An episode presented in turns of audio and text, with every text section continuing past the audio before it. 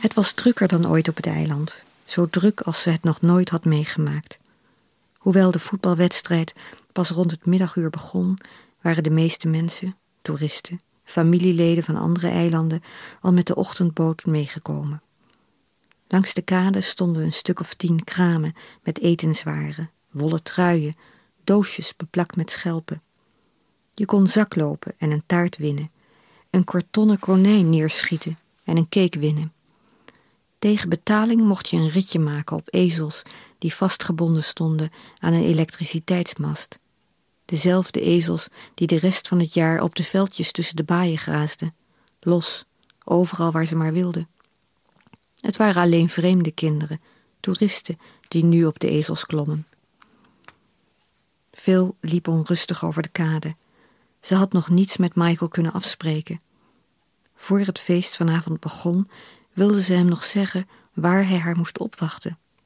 Het was uitgesloten dat ze rustig met elkaar konden dansen en onopgemerkt verdwijnen, zoals op het feest van Bridget. Ze liep langs een paar tafels met tweedehands boeken en stapels oude tijdschriften, maar Seamus zag ze niet. Daarnaast was de schietent, daar moest Michael zijn, maar voor zijn kraam stond een haag van mensen. Ze hoorde het ketsende geluid van hagel tegen een houten schot, een korte stilte en toen weer een schot. Ze huiverde, glipte vlug tussen twee mannen door naar voren en zag tot haar opluchting dat Malcolm en niet Michael het geweer laadde. Seamus in het geld en Michael keek van een veilige afstand toe. Voorlopig mocht hij alleen de prijzen weggeven. Ze zwaaide naar hem. Nu ze hem weer zag na al die dagen, merkte ze pas hoe erg ze hem had gemist. Wil je schieten? vroeg hij. Ze keek naar Seamus, die vlakbij stond, en ieder woord dat ze tegen elkaar zeiden kon horen. Ze kon nu niets met Michael afspreken. Ook als zijn broer verder weg had gestaan, had ze het niet gedurfd, want ze had het gevoel dat iedereen haar in de gaten hield. Ze zou later terugkomen en besloot net weg te gaan toen Seamus het geweer in haar handen legde. Dat ze voor zoiets geen windbuks gebruiken, hoorde ze een jongen achter haar zeggen. Gevaarlijk. Ze keek naar het ding in haar hand en vond dat hij gelijk had. Het geweer was ook zwaar, veel zwaarder dan het eruit zag. Heb je het wel eens gedaan? vroeg Seamus. Hij was onder de tafel doorgekropen en dook vlak naast haar op. Nog nooit? Onmiddellijk legde hij zijn armen om haar heen, een hand onder de hand die het geweer steunde, de andere om de hand bij de trekker. Ze voelde zijn adem langs haar wang strijken. Hij zat helemaal om haar heen en ze kon niets doen. Als ze het geweer zou loslaten, zou het misschien vanzelf afgaan en Michael raken. Goed kijken, alleen maar kijken, zei Seamus en hij stuurde haar arm bij. Concentreer je, Phil.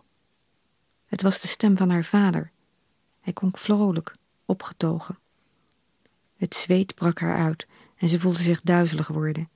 Ze had de neiging wild om zich heen te schieten op al die mensen die zo precies wisten wat goed voor haar was. Besef je wel wat je weggooit, besef je wel, besef je wel. Als je raak schiet, mag je vanavond met me dansen, zei Seamus en zijn lippen beroerden haar oor. Ze keek naar Michael, die haar bemoedigend toeknikte. Zag hij niet wat er gebeurde? Was zij dan helemaal niet jaloers? Haar mond werd droog, haar spieren spanden zich. Haar blik ging van Michael naar de rode cirkel in de buik van het konijn. Ze zette haar benen iets wijder uit elkaar, haalde diep adem en schoot. Twee keer schoot ze en beide keren was het raak. Bravo, hoorde ze haar vader roepen, bravo. Seamus liet haar los en pakte het geweer van haar aan. Dat zijn dan twee dansen. Oh, minstens, zei ze, zo luid dat ook haar vader het hoorde. Tot vanavond. Tot vanavond. Ze hield haar belofte en danste met Seamus, minstens twee dansen. Van de zijkant van de dansvloer keken haar ouders tevreden toe. In het begin speurde ze voortdurend om zich heen of de andere jongen, wiens naam ze zo min mogelijk uitspraken, misschien nog kwam opdagen. Maar toen hij tegen Tine nog niet was, waren ze gerust. Ze begonnen er maar niet over tegen Seamus, vroegen maar niet of hij zijn broer soms verboden had naar het feest te komen. Het was maar beter hem niet meer aan die pijnlijke geschiedenis te herinneren, nu alles vanzelf toch nog goed gekomen was. Hun dochter zag er stralend uit. Ze had zich mooi aangekleed voor Seamus en om haar lippen lag een glimlach, ook wanneer hij wegliep om viool te spelen. Alleen toen hij voor haar ging zingen, in zijn eentje zonder begeleiding, een liefdeslied dat hij voor haar had geschreven, werd het haar te veel. Ze staarde naar de grond en toen iedereen applaudisseerde, klapte ze niet mee. Ik ga maar eens naar huis, zei Phil toen het elf uur sloeg. Ik breng je, zei Seamus, maar dat wilde ze niet. Ze wilde alleen zijn, zei ze. Hij kon zich dat wel voorstellen. Hij kon zich wel voorstellen dat ze tijd nodig had. Er was veel gebeurd. Misschien was hij ook te snel over trouwen begonnen. Had hij er daarmee afgeschrikt? Phil nam afscheid van haar ouders en van Seamus en kon niet weten dat hij een paar minuten later zijn viool inpakte en ook vertrok. Zij haastte zich naar haar kamer, waar Michael op haar wachtte. Die middag, toen Seamus op het voetbalveld voor scheidsrechter speelde, had zij Michael uitgelegd hoe hij ongezien in haar kamer kon komen. Daarna had ze wat bier koud gezet in haar wastafel, onder een badhanddoek, zodat haar moeder, mocht ze de kamer binnenkomen, de flesjes niet zou ontdekken. Kaarsen, lucifers en een opener had ze onder haar zwarte omslagdoek verborgen in de vensterbank. Toen ze het licht aanknipte, lag Michael in haar bed te slapen. Zijn kleren lagen slordig over de stoel. Tegen de rugleuning stond het geweer dat hij beloofd had die avond nog bij Malcolm terug te brengen. Ze deed het luik open, pakte het geweer voorzichtig op, bang dat het per ongeluk zou afgaan als het viel, nu of straks als ze aan het dansen waren. Ze zette het geweer tegen de buitenmuur naast haar raam en deed de luiken weer dicht, op een kier na. Ze streek een lucifer af, stak de kaarsen aan, zette de kastdeur een stukje open en zag dat zowel het bed als de vlammen in de lange spiegel weer kaatsten. Het was alsof Michael schijndood in een kapel op haar lag te wachten, net als Julia in het toneelstuk van Shakespeare waar ze ooit auditie voor had gedaan. Ze wekte hem vlug, opende twee flesjes bier en zette ze op de tafel bij het raam. Mag niet, zei hij toen hij het bier zag, maar uiteindelijk dronk hij het flesje toch leeg en daarna deelden ze er samen nog een. Phil zette haar transistorradio aan en ze dansten. Michael bloot, zij met blote voeten, op de muziek van een krakende zender uit Galway. Ze dansten, ieder aan een andere kant van het bed, omdat de kamer maar klein was, en keken naar het schaduwpaar op de muur. Een jongen en een meisje met dezelfde contouren, alleen veel groter. Bij ieder nieuw lied op de radio wees de jongen op de muur een ander kledingstuk aan, dat het meisje dan zelf uittrok, want hij was niet zo handig met haakjes. Ze voelden zich heel licht door het bier, een beetje duizelig, en zo nu en dan zongen ze een paar regels mee van een nummer op de radio. Daardoor hoorden ze niet dat buiten op het erf Seamus kwam aanlopen met een brief in zijn hand. Op het moment dat Phil afscheid van hem had genomen en in de duisternis verdween, voelde hij een onrust die hij alleen kon bezweren door haar te schrijven. Hij had zich gehaast, want hij wilde dat ze de brief voor het slapen gaan nog zou lezen. Ze hadden zijn voetstappen niet gehoord. De kippen hadden niet gewaarschuwd, gewend als ze waren hem rond dit uur op het erf te zien verschijnen. Ze wisten niet dat hij door een kier naar hen keek. De vrouw met wie hij wilde trouwen en zijn naakte broer. Hij zag ze dansen, de glimlach waarmee Phil naar Michael keek, en hij herinnerde zich hoe ze naar hem geglimlacht had toen ze zei: Tot vanavond.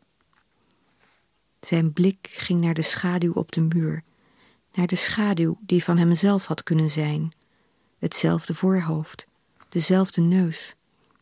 Misschien was het zijn schaduw wel die daar danste, had zijn schaduw zich losgemaakt van hemzelf en was een eigen leven gaan leiden.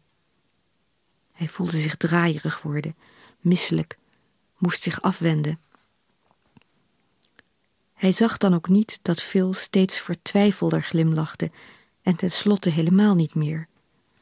Hij kon niet weten dat ze zich afvroeg hoe lang dit nog zou doorgaan, dit schimmenspel, deze vissendans. Tussen elkaars benen doorzwemmen, onder water, was vanzelfsprekender dan wat zij nu van Michael verlangde. Hij deed wat zij deed, net als tijdens hun eerste dans onder de gekleurde lampjes, deed haar na, maar nooit meer dan dat. Hij keek naar haar blote borsten alsof hij een nieuw soort kwal op het strand had ontdekt. Geamuseerd, verbaasd, en zo raakte hij ze ook aan. Als je er een tikje tegen gaf, zwabberde zo'n borstje heen en weer, en dat vond hij grappig, heel grappig. Maar toen hij doorkreeg dat het steeds op dezelfde manier trilde, verloor hij zijn interesse. Als jij hem laat vallen, hoorde ze Seamus in gedachten zeggen, als jij hem afdankt. Dat zou nooit gebeuren. Ze hield van hem. Nog één dans en dan moest hij weg, naar huis. Tenzij, tenzij. Als ze net zo naakt was als hij, zou hij dan, misschien, eindelijk voelen dat hij een man was? Alles hing af van de blik waarmee hij naar haar keek als ze naakt voor hem stond. Dadelijk. Nog één slok bier. Nog één dans. Seamus wilde Phil niet horen zingen, maar hoorde haar toch, steeds luider, brutaler. Hij drukte zijn achterhoofd tegen de koele muur, veegde zijn handpalmen af aan zijn broek en stootte tegen iets aan. In het donker kon hij niet goed zien wat het was. Iets van hout, een stok voelde hij. Aan de andere kant van de luiken hoorde hij Phil lachen. Een vreemd lachje dat meer op huilen leek. Waarom zou ze huilen? Ze lachte, snikte van het lachen. Om hem natuurlijk, om de streek die ze hem had geleverd. Hij zou zorgen dat het lachen haar verging. Hij zou haar laten schrikken, zoals ze nog nooit geschrokken was, door met de stok op de luiken te slaan. Zijn vingers sloten zich om het hout. Dat heel glad was, merkte hij nu. Geen stok, maar een geweer. En op dat moment klapte een van de luiken tegen hem aan. Hij hoorde stemmen, die van hem en haar door elkaar. Hij kon niet goed onderscheiden wie wat zei. Komt van al dat bier. Het is koud, doe iets om. Met de loop van het geweer duwde hij het luik terug en zag een schim vlak langs hem heen naar het hok aan de andere kant van het veldje lopen. Een naakte rug, daaronder op heuphoogte een zwarte doek de omslagdoek die ze op het feest van Bridget had gedragen, de doek die ze van haar schouders had laten zakken terwijl ze hem strak aankeek en later weglegde op de tafel achter haar, de doek die zo mooi stond bij haar lichte huid, de doek die hij had willen losknopen, de zwarte doek die zijn broer dadelijk. Hij was niet goed met knopen, nooit geweest. Hij zou hem lostrekken hij was sterk, in zijn armen en handen vooral. Met die sterke vingers zou hij de doek, zou hij haar, zijn handen over haar lichte huid, zijn handen die de doek, de zwarte doek. Phil hoorde eerst een schot, toen een kreet, zo hoog en schril dat ze dacht dat het de haan was. Michael had de haan geraakt. Hij had het geweer van Malcolm gepakt en op de haan geschoten. Ze had hem nooit zoveel bier moeten laten drinken. Hij was geen drank gewend. Michael, riep ze. Michael, wat doe je allemaal? Het bleef stil. Zo stil als het nog nooit geweest was op het eiland. Dus die oude blonde man die over het eiland zwerft en die er gisteren met een pan eten naar buiten kwam, is niet Michael? vroeg ik. Maar Seamus? Michael ligt al meer dan twintig jaar op het kerkhof, vlak bij de baai waar we altijd zwommen. Waarom stak u twee kaarsen op in de kerk? Voor wie is die andere kaars dan? Hij schrijft niet meer, hij zingt niet meer, hij staat niet meer voor de klas. De Seamus van vroeger is dood. Ik keek om me heen, naar de boeken die afgestoft op de planken stonden. De boeken die Phil zelf graag las, had ze uit de rij gehaald en met hun gezicht naar voren tegen de ruggen van de anderen gezet. Hoe kunt u nog voor hem zorgen? Waarom doet u dit allemaal? Waarom bent u niet weggegaan? Dat ben ik ook. Ze haalde een fles whisky onder de toonbank vandaan, hield hem vragend omhoog en schonk twee glazen voor de helft vol. Het duurde nog uren voor het tot me doordrong dat hij niet op Michael, maar op mij geschoten had. Ze zeiden dat ik de spiegel moest afdekken. Dat is hier de gewoonte. In het huis waar iemand gestorven is, bedek je alle spiegels. Geen sjaal was groot genoeg, maar mijn omslagdoek lag nog op het erf. Die hadden ze laten liggen toen ze Michael weghaalden. Ik pakte de doek en waste het bloed eruit. En toen pas, toen ik met die natte, zware doek in mijn handen stond, drong het tot me door dat Seamus op mij geschoten had. Ik had dood moeten zijn, niet Michael. Na de begrafenis ben ik naar de klip gelopen waar we zo vaak naar zeeleeuwen hadden gekeken en ben op mijn buik gaan liggen met mijn gezicht over de rand. Michael leek zo dichtbij dat ik dacht hem te voelen toen ik met mijn hand over het gras streek. Ik keek naar het schuim in de diepte en dacht: schuim is zacht, waarom doe ik het niet? Als ik nu in slaap val, hoef ik niets te beslissen en rol ik misschien vanzelf naar beneden. Ik weet niet hoe lang ik daar lag, klaar wakker, te luisteren naar het gebeuk van de golven tegen de rotsen toen Paddy's snoet in mijn ribben porde. Ik draaide me om en zag Seamus en wist zo duidelijk als ik het daarna nooit meer geweten heb: ik wil niet dood. Als Seamus gearresteerd wordt, moet er toch iemand voor Paddy zorgen en nog tientallen redenen kon ik verzinnen om te leven. Hij stond daar maar, bleek in zijn zwarte pak. Hij had me alleen maar een duw hoeven geven, maar hij kwam niet dichterbij, zei niets. Je dacht toch dat ik het was, in die doek, vroeg ik hem. Voor het eerst keek hij me aan, heel even, en toen sloeg hij zijn ogen neer. Ik zag alleen die doek, alleen die doek, en ik dacht aan jou en hem, en toen werd alles zwart. Maar het was mijn doek, dus je dacht dat ik het was. Nee, zo blond ben jij niet, en kleiner ook. Het was donker. Hij heeft zich omgedraaid en me aangekeken. Maar, zei ik, nadat je geschoten had, toen het al te laat was. Wist ik dat maar. Dat weet ik juist niet. Ik weet niet meer wanneer ik zag dat het Michael was, ervoor of nadat ik. Maar je wist het toen je hem hoorde schreeuwen. Toen wel, ja. En toen je mij hoorde roepen en je me in het raam zag staan. Ja, toen. Toen wist ik het. Hij keek me aan alsof hem iets te binnen schoot. Maar jij kon niet weten dat hij dood was en toch huilde je. Ik zei dat hij dat verkeerd had gezien en holde vlug weg en weet nog dat ik dacht: ik hoop dat het hem te veel wordt, de twijfel. Ik hoop dat hij springt. Het eiland is te klein voor ons tweeën. In de verte klonk de toeter van de avondboot. Phil keek uit het raam. Er was nog niets te zien, maar als we gingen staan konden we de boot de baai zien binnenvaren. Ik hoorde voetstappen op het pad en even later zag ik Seamus met onder zijn arm een pan. Toen hij bijna bij de winkel was, keek hij op en zag mij ook. Hij keek me door het raam aan, een paar tellen maar, zette de pan op de houten bank voor de winkel, draaide zich om en liep het pad weer af. Zal ik maar gaan? vroeg ik. Ik wil niet dat hij zich door mij laat wegjagen. Zo doet hij altijd als er vreemden zijn. Toen hij me aankeek, dacht ik even dat hij aan me zag dat ik nu alles van hem weet. Alles. Ze schudde haar hoofd. Ik vroeg haar wat de haat had doen slijten. De tijd?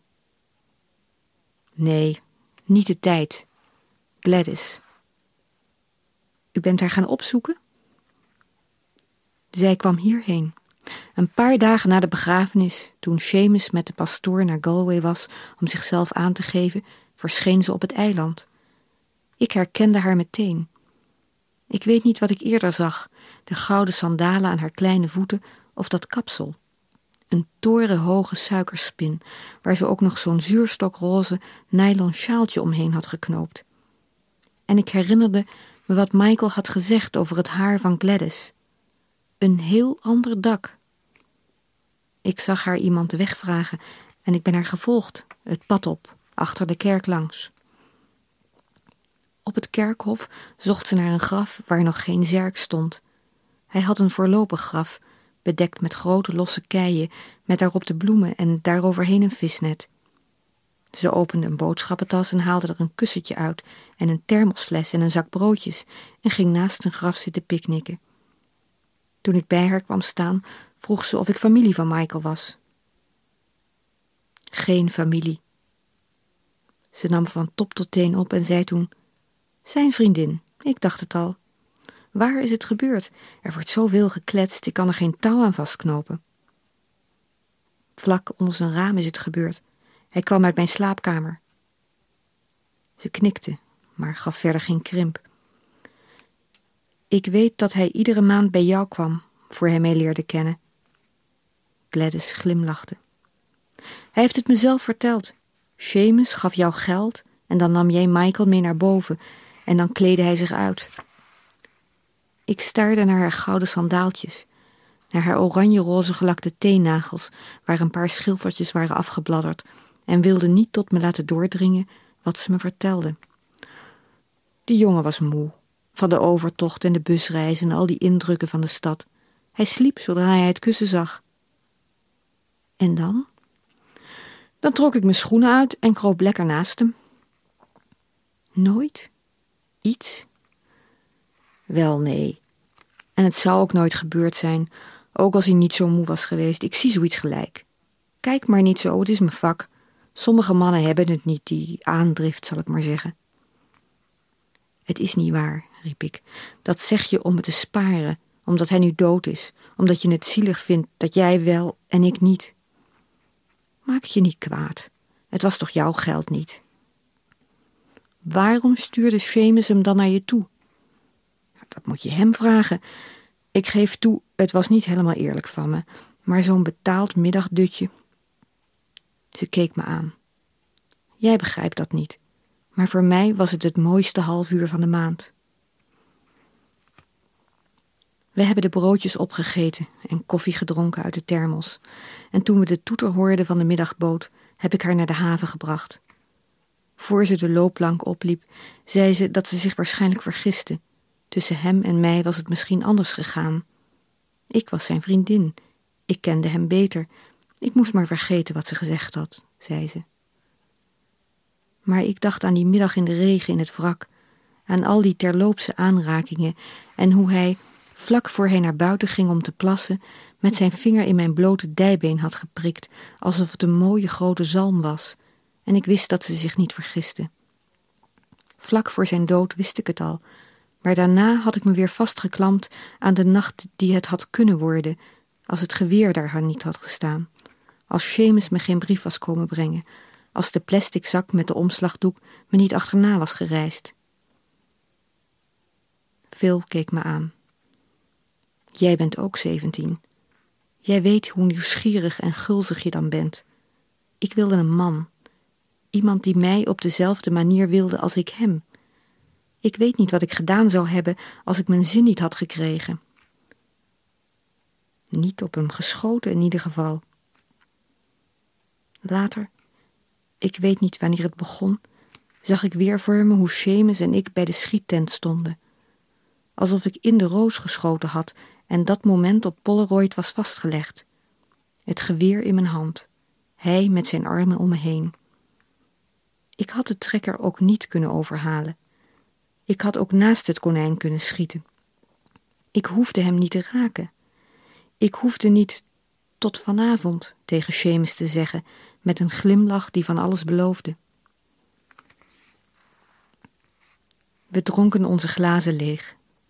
Omdat er mensen van de boot kwamen die vast allemaal een platte grond wilden en mijn ouders op me wachten in het strandhotel, vertelde ze me de rest van haar leven in een paar zinnen.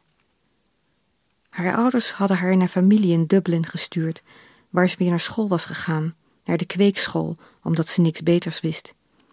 Ze had er een jongen ontmoet met wie ze al die dingen had gedaan waarover Susie haar had verteld. Binnen de kortste keren was ze zwanger en getrouwd. Na een paar jaar was ze teruggegaan naar het eiland. Eerst voor een week aan het eind van de zomer om afscheid te nemen van haar ouders, die teruggingen naar Amerika. Haar moeder had te veel heimwee naar haar familie en haar andere dochters die kinderen hadden gekregen die ze alleen nog maar van foto's kende. Na die geschiedenis met Phil viel het werk hun ook steeds zwaarder. Ze geloofden niet meer in de hele onderneming, zeker niet nu er een nieuw hotel gebouwd werd in de haven. Terwijl Phil haar ouders hielp met de overdracht van het hotel en het pakken van de koffers, merkte ze hoe ze het eiland had gemist. Ze ging terug naar al die plekken die ze met Michael had ontdekt. Ze liep al hun geheime paadjes. Toen ze hoorde dat er na Seamus nooit meer zo'n goede onderwijzer op het eiland was geweest, besloot ze te proberen hem zo lang te vervangen. Ze verhuisde met haar gezin naar het eiland en kreeg het huis toegewezen naast de school. Op een dag was ze de winkel binnengegaan en had gezien hoe vuil het er was, overal spinnenwebben en de boeken onder het stof en met vochtplekken. Ze had de winkel schoongemaakt, de kapotte ruiten vervangen, het stof uit de boeken geklopt en sommige opnieuw laten inbinden. Ze schreef een brief naar Seamus dat de winkel weer open was. Zodra hij uit de gevangenis kwam, kon hij het zo van haar overnemen. Hij moest maar door de vingers zien dat ze behalve boeken nu ook kauwgom verkocht en kranten en aanzichtkaarten om meer mensen naar binnen te lokken. Maar Seamus schreef niet terug, beantwoordde niet een van haar brieven. Hij wilde niet meer praten, met haar niet, met niemand, nooit meer. Er viel een stilte. Ik zag zijn gezicht voor me, de blik waarmee hij in het café naar het donkere raam had gestaard, en nu net door het raam van de winkel. Misschien zag hij, of het nu ochtend was of avond, een donker raam. Een donker raam en daarin iemand die heel erg op hem leek. Phil nam het lege glas uit mijn hand en zette het op de toonbank. Waarom heb ik je dit allemaal verteld? Hoe kwamen we erop? U zag me de kerk uitkomen waar ik net een kaars voor Ian had opgestoken. Ze knikte en stond op. Als je dit ooit doorvertelt. Oh, maar dat doe ik niet, dat beloof ik u. Oh ja, dat doe je wel. Je vertelt het aan Ian als hij op de motor bij je langskomt. Of aan iemand anders als je verdriet hebt, omdat Ian nooit is komen opdagen en je hem ook niet kunt schrijven, omdat hij je geen adres gegeven heeft. Of je vertelt het aan je kinderen later als ze komen praten over hun grote liefde. Die ene, de ware. Hoe het ook zij, noem het eiland niet. Verander mijn naam. Ik beloofde haar dat ik haar naam zou proberen te vergeten. Ik vertelde haar dat dit eiland in mijn gedachten toch al het eiland was, het enige, het eiland der eilanden. Ik liep naar de deur en zei dat ik de volgende dag met de eerste boot zou vertrekken, maar dat ik zeker zou terugkomen. Ze knikte. Iedereen komt terug. Dan kom ik u opzoeken, met Ian. Ik keek haar vragend aan, in de hoop dat ze iets bemoedigends zou zeggen, maar ze reageerde niet. Ik zal zwaaien morgen, was het laatste wat ze zei.